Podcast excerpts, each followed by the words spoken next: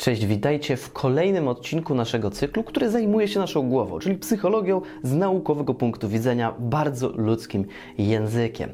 Pewnie większość z Was słyszała już o efekcie placebo, czyli to, że forma podawania leku, podejście do tego leczenia, czy nasze przekonania mogą mieć wpływ na nasze zdrowie. Mamy na to wiele badań, setki badań dowodzą tego efektu. Ale nie wiem, czy słyszeliście o drugiej stronie tej monety, czyli o efekcie nocebo.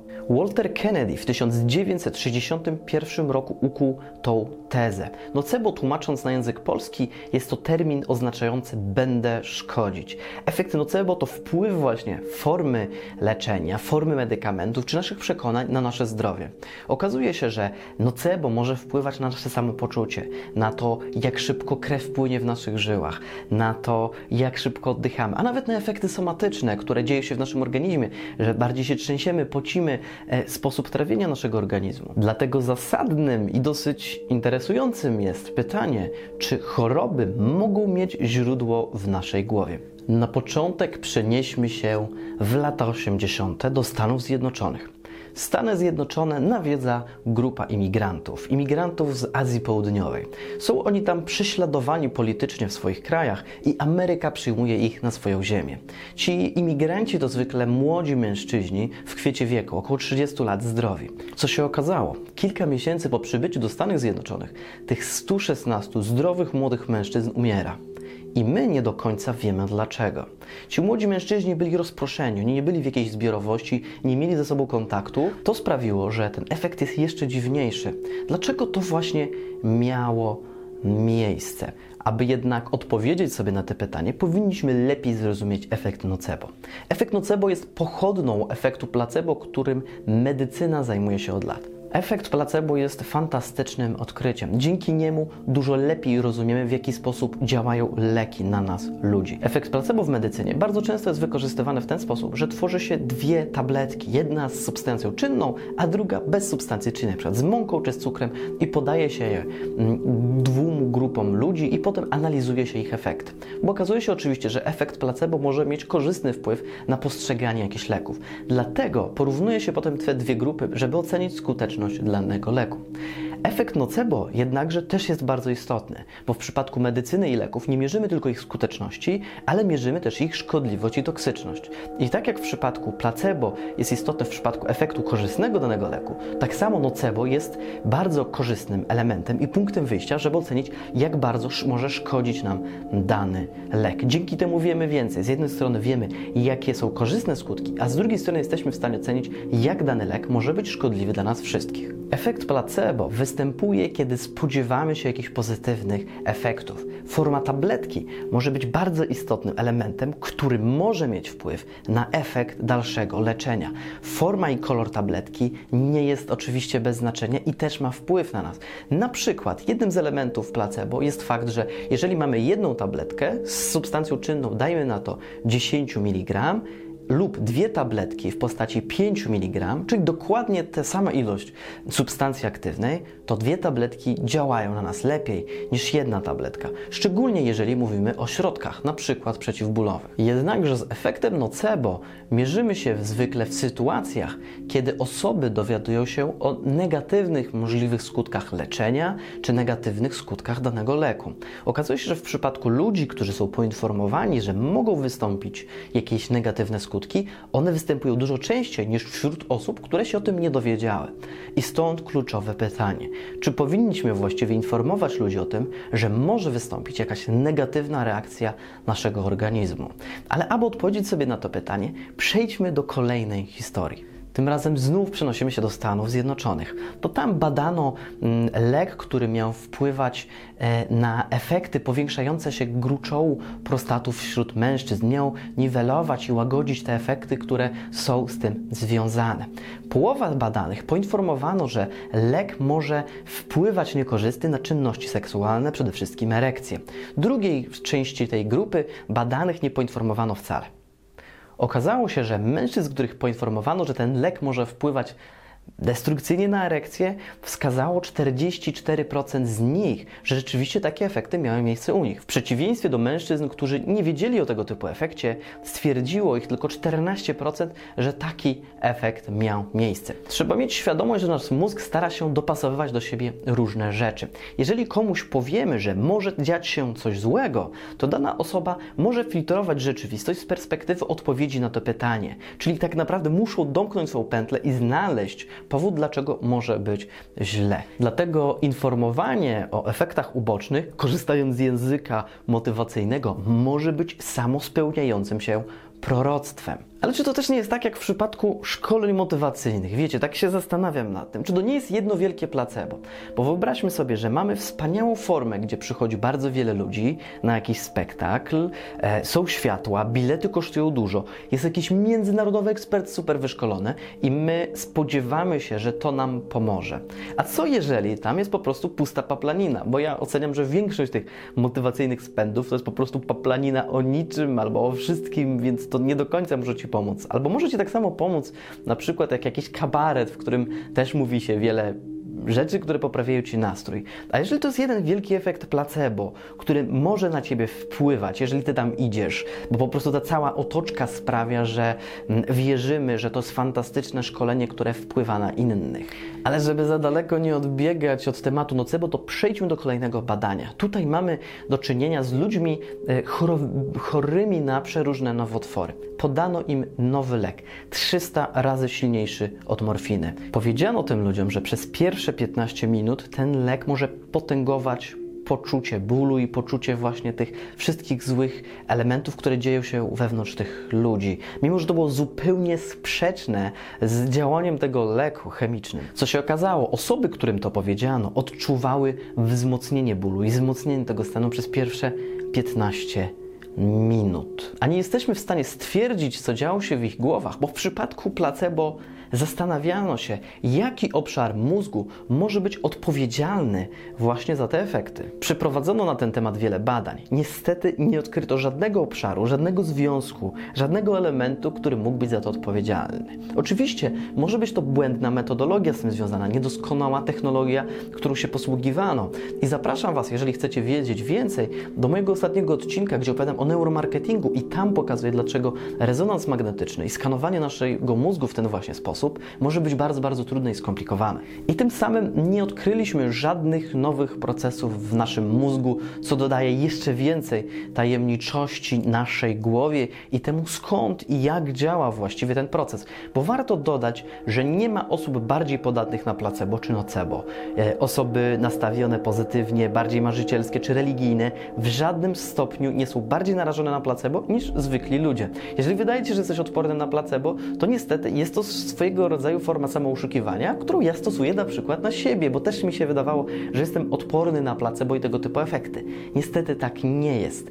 Nie mamy informacji i żadne badania nie wskazują, że byłyby jakieś czynniki, które sprawiałyby, że niektóre osoby są bardziej podatne na tego typu stan. Naukowcy jednak spieszą nam ze swojego rodzaju wyjaśnieniem, dlaczego może się tak dziać.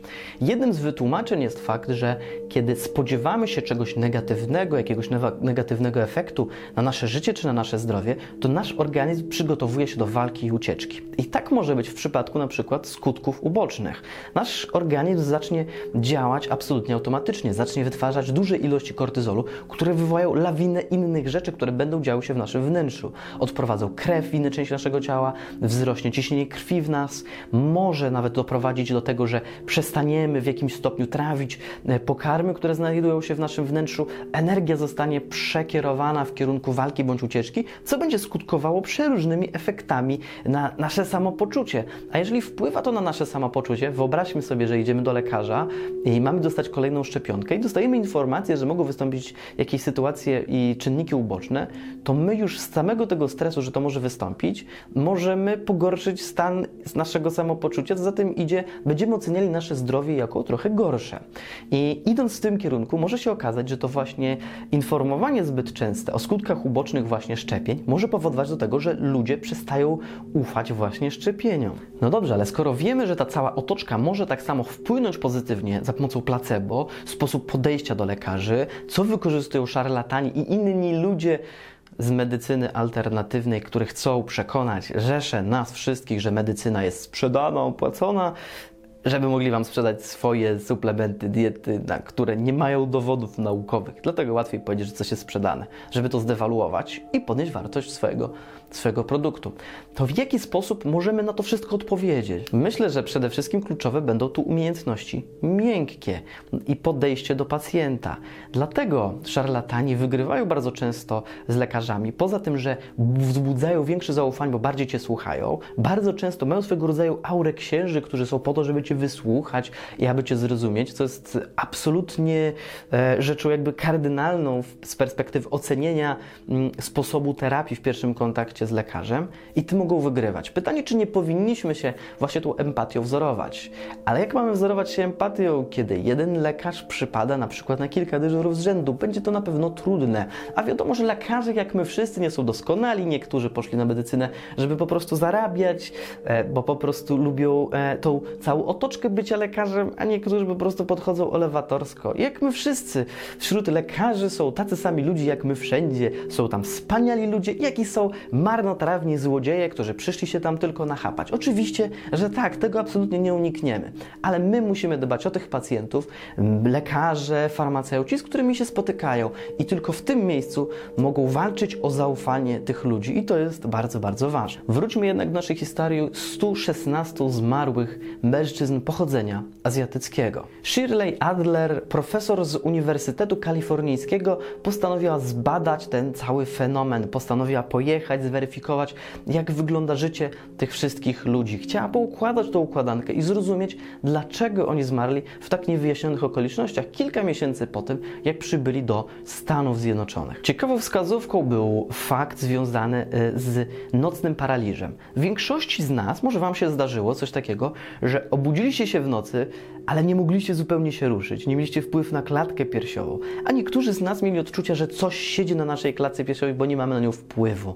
To mogło być przerażające, bo to jest zupełnie nienaturalna sytuacja, kiedy dzieje się nam coś takiego w środku nocy. Oczywiście naukowcy mają na to wyjaśnienie, bo kiedy nasz mózg wchodzi w fazę REM, czyli Rapid Eye Movement, można poznać po tym, że pod zamkniętymi powiekami szybko poruszają się nasze oczy, nasz mózg w dużym skrócie odcina w jakimś stopniu władanie nam nad naszym ciałem. Dzieje się jednak też tak, że niekiedy, kiedy jesteśmy w fazie REM, to odzyskujemy świadomość i wtedy nie mamy panowania nad naszym ciałem. Ale nie ma w tym nic dziwnego ani nic złego. Już w historii, w wielu kulturach, w kulturze niemieckiej, amerykańskiej, chińskiej, odnotowuje się tego typu przypadki. Jednakowoż w wielu mistycznych kulturach, które wierzą w jakieś duchy i inne tego typu zabobony, nadają tego typu sytuacjom dość złowróżbne znaczenie. Myślę, że najbliższą tego, co chciałaby Adler nam powiedzieć, jest porównanie do tego, w jaki sposób Anglicy nazywają tego typu sytuacje, które przydarzają nam się w nocy. Jest to nocna klacz.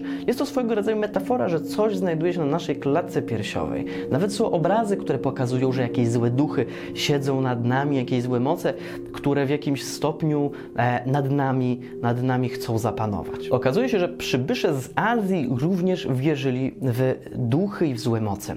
W ich kulturze wierzono, że trzeba oddawać cześć duchom, żeby nas chroniły, bo są dwa rodzaje duchów: dobre i złe. Jeżeli dobrze oddajemy cześć dobrym duchom, to one nas chronią przed tymi złymi. Jeżeli jednak ci ludzie wyjechali do Stanów Zjednoczonych, zostali rozproszeni, nie mieli swoich szamanów, nie mieli swoich świątyń, miejsc, w których mogli się modlić w odpowiedni sposób dla ich kultury i dla ich wierzenia, to mogło być dla nich bardzo stresujące, jeżeli intensywnie wierzyli w to, że złe duchy mogą rzeczywiście się nimi zainteresować. Dodajcie do tego właśnie tego typu paraliż senny, że budzicie się w nocy, e, jesteście przekonani, że źle oddawaliście cześć dobrym duchom i nawiedziły was te złe. Może być to niesamowicie przerażające.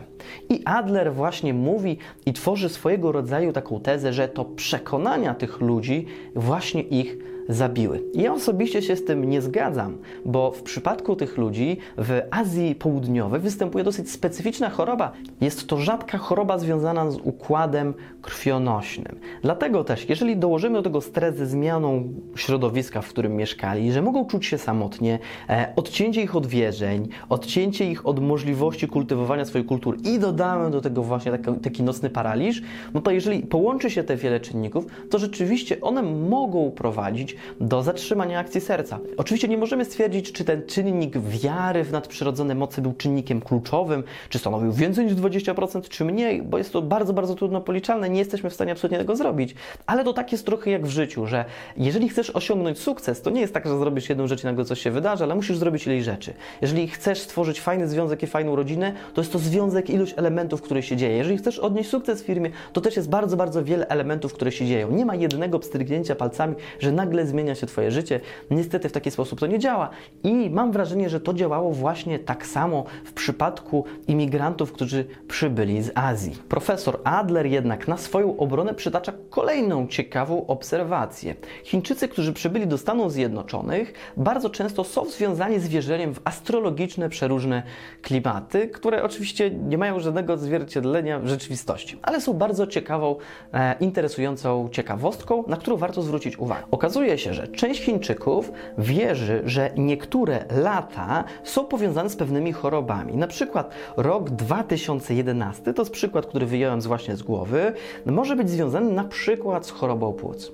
I tak było w przypadku właśnie tych Chińczyków. Oni urodzili się w roku, który był związany z jakąś chorobą. W astrologii tej, w której wierzyli ci Chińczycy, było przekonanie, że dany rok potęguje jakąś chorobę. I okazuje się, że Chińczycy, którzy mieli problemy z płucami, umierali szybciej, gdy urodzili się w danym roku i wierzyli w ten przesąd. Za to w przypadku Chińczyków, którzy wierzyli w ten przesąd, a nie urodzili się w danym roku i mieli problem z płucami, żyli do 5 lat dłużej. Adler sugeruje, że to jest właśnie dowód na to, że nasze przekonania mają większe znaczenie na nasze nocebo, na nasze zdrowie, niż mogło nam się do tej pory wydawać. Ja jednak jestem dosyć sceptyczny, by przekonać się, że to właśnie wiara ma tak istotne znaczenie. Na pewno nasze przekonania będą miały duży wpływ na to, jeżeli na przykład wpływ będą miały na nasz układ krwionośny, który jest już obciążony jakąś chorobą. Bo oczywiście wiemy, że stres wpływa na to, jak działa nasz układ krwionośny i może być czynnikiem, który będzie mocno zwiększał ryzyko choroby, a nawet śmierci czy zawału naszego, naszego serca. Wtedy może mieć bardzo istotne znaczenie. Jednakże nie wierzę, że wasze przekonanie mogą was zabić. Przede wszystkim to, co w przypadku nocebo chciałbym zwrócić waszą uwagę, to fakt, że on wpływa na bezpośrednio nasze samopoczucie w danym momencie. Nasze samopoczucie bardzo często przekładamy na stan naszego zdrowia. Kiedy mężczyźni są przeziębieni, często to czują się jakby umierali, bo to jest jakiś, jakaś forma odczuwania, którą przekładamy na naszą chorobę. Mimo, że choroba jest nieduża, to jednak sposób jej odczuwania może wpływać na to, że ocenimy ją jako bardzo, bardzo silną. I tutaj dochodzimy do kluczowego pytania. Czy skoro wiemy, że nocebo może powodować drgawki, problemy z oddychaniem, ponosić ciśnienie krwi, e, powodować migreny, wpływać na sposób trawienia w naszym organizmie, czy na przykład powodować biegunki. Czy powinniśmy w takim razie mówić ludziom, że są jakieś skutki uboczne danych leków? To jest świetne pytanie. Ja osobiście uważam, że musimy mówić ludziom całą prawdę. Dlaczego? Już dzisiaj oczywiście, o czym wspominałem, dzisiejsi lekarze i medycyna coraz mocniej tracą zaufanie, bo są szarlatani, którzy tłumaczą to w zupełnie inny sposób całą naszą medycynę i próbują ją negować. A bardzo często po prostu lekarze zachowują się w zupełnie niemoralny, niemoralny i głupi sposób, angażując się w przeróżne rzeczy albo oceniając różne sytuacje w kardynalnie zły sposób. Niestety jest problem duży zaufania do nauki, i do medycyny w dzisiejszych czasach. Dlatego, gdybyśmy zdecydowali się na fakt, że dla dobra ludzi nie będziemy im mówić całej prawdy, czyli nie będziemy im mówić o skutkach ubocznych, to gdy to wyjdzie na jaw, to jak jeszcze zaufanie zostanie utracone, jak bardzo medycyna, lekarze i nauka jeszcze stracą na swojej wiarygodności, gdy, będą, gdy zostaną przyłapani na tym, że po prostu oszukują. Oczywiście dla dobra ludzi oszukują ich, żeby wpływać na nich w inny sposób. Rozwiązaniem dużo skuteczniejszym, moim zdaniem, jest sposób prezentowania skutków ubocznych. Czyli jeżeli mówimy o skutkach ubocznych, to może warto ubrać je w jakąś metaforę.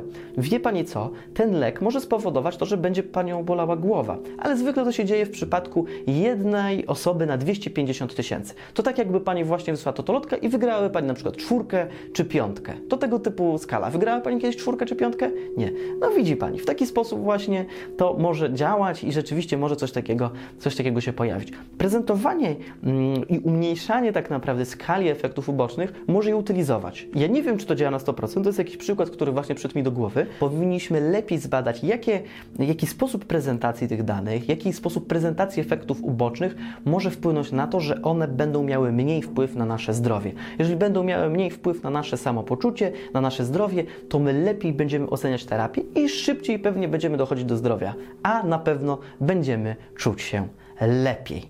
Takie małe wtrącenie chciałbym podziękować na początek Radosławowi Budnickiemu z cyklu Lepiej Teraz, który zainspirował mnie do robienia tego podcastu, więc, czyli tej formy audio, więc to, to w dużym stopniu to dzięki niemu właśnie dzisiaj możecie posłuchać tej ścieżki na SoundCloudzie czy na iTunes, w zależności od tego, gdzie mnie właśnie słuchacie. Dzięki Radku. Dziękuję Ci serdecznie za wysłuchanie tego materiału. Jestem ciekaw Twoich opinii i Twoich pomysłów na ten temat. Jeżeli masz inne pomysły na, na kolejne materiały, które mógłbym nagrać, to również proszę O taką informację. Chcę Ci też dać znać, że jest to poziom audio materiału, który został opublikowany na YouTubie, więc jeżeli chcesz widzieć i słyszeć więcej, bo na YouTubie publikuję więcej, to proszę subskrybuj mój kanał. Wystarczy, że wpiszesz Piotr Marszałkowski na YouTubie i zaraz mnie znajdziesz.